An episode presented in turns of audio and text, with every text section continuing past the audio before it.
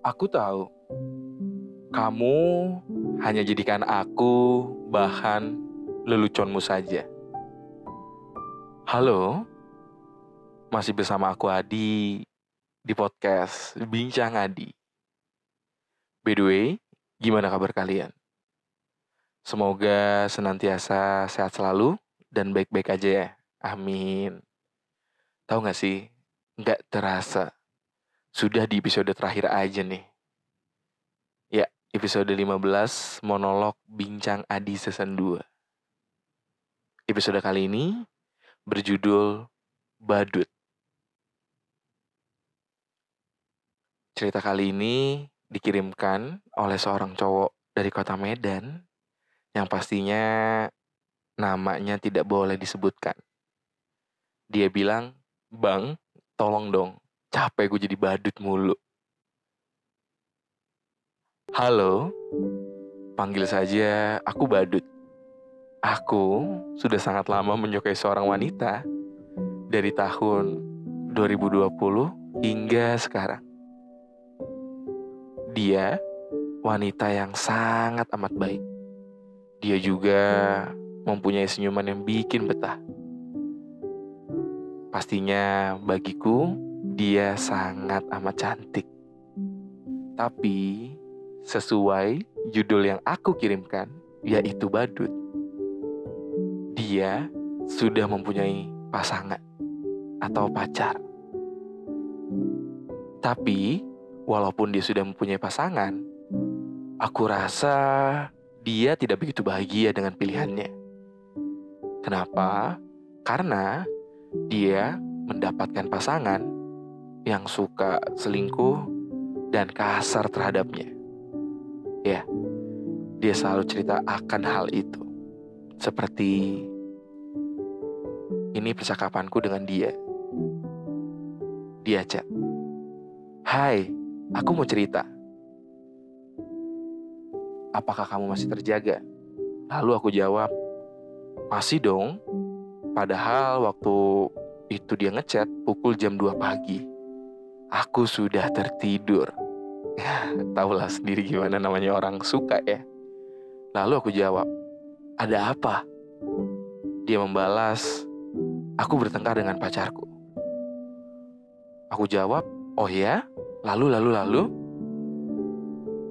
Dia menjawab, iya, seperti biasa. Pacarku selingkuh. Lalu kita bertengkar. Dan dia masih seperti biasa main tangan terhadapku. Jujur, aku sudah tidak sanggup lagi. Apakah aku harus putus saja? Bagaimana pendapatmu? Aku menjawab, aku sebagai teman ceritanya atau temannya, aku sangat memberikan saran yang sangat netral. Aku memberikan saran itu balik lagi terhadap dirimu. Aku hanya bisa menyarankan yang memang sudah toksik banget. Sudah seharusnya putus.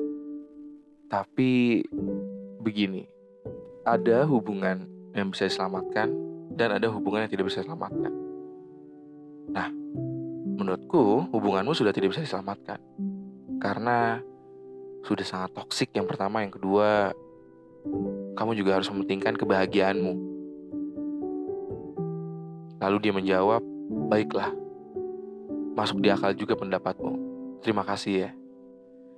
Keesokan harinya, HP ku berbunyi menerima pesan dari dia. Hey! Dia memakai huruf caps lock semua. Hey, tahu nggak? Dia datang ke tempatku membawakan bunga. Dan aku gak jadi putus. Bahagia banget. Aku dalam hati, si An. Tapi sudah tidak heran lagi ya terus berulang kejadian seperti ini lagi dan lagi sudah aku rasakan selama kenal dia. Lalu aku berpikir pada awalnya aku biasa saja dengan diriku yang selalu dijadikan bahan curhatan dia. Ya mungkin bisa dibilang ban serep. Saat dia butuh baru datang. Tapi tidak apa. Bagiku yang menyukai diam-diam, hal terindah ialah ketika dia sedang bercerita keluh kesahnya. Entah itu tentang keseharian dia di kampus, keluarga dia, atau tentang pasangan. Jujur, walaupun sebatas itu, aku sudah sangat bahagia. Satu tahun berlangsung, aku masih sangat baik-baik saja. Namun ada suatu kejadian di mana aku seperti tertampar. Kejadian ini dua tahun berselang. Ya jadi di tahun inilah. Tahu gak sih, di tahun ini mulai marak yang namanya istilah badut. Jadi ada satu momen dia mengirimkan screenshot meme ke aku. Screenshotnya gini. Ini chat ceweknya dulu ya, ada tiga baris. Kamu bantu aku buat berdiri. Sekarang aku coba berjalan bersama orang lain. Mungkin nanti aku berlari bersama kamu lagi kan? Si cowoknya menjawab, badut dong gue. Si ceweknya menjawab, dari dulu emang udah badut kan. Terus di chatnya, di bawah screenshotan itu dia bilang, kasihan ya dia kayak kamu ini mah disertai tertawa gitu. Gitu.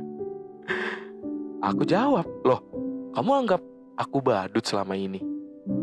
Dia menjawab, tapi emang iya kan? Hahaha. Aku hanya menjawab, oh. Terus dia bales, aku bercanda ya, bias kayak gitu. Pada saat itu, gue rasa bahkan dari sisi teman aku tidak dianggap atau bahkan mungkin aku tidak dihargai. Aku sangat yakin dia tahu aku sangat menyukai dia. Tapi aku rasa tak sepantasnya bercanda seperti itu. Sehabis kejadian itu, aku menghilang seperti ditelan bumi. Sakit sekali rasanya badan ini. Perasaan tidak tersampaikan dan hanya dianggap badut selama dua tahun. Terima kasih sudah mendengarkan cerita aku. Sehat selalu untuk sobat bincang adi semuanya. Terima kasih.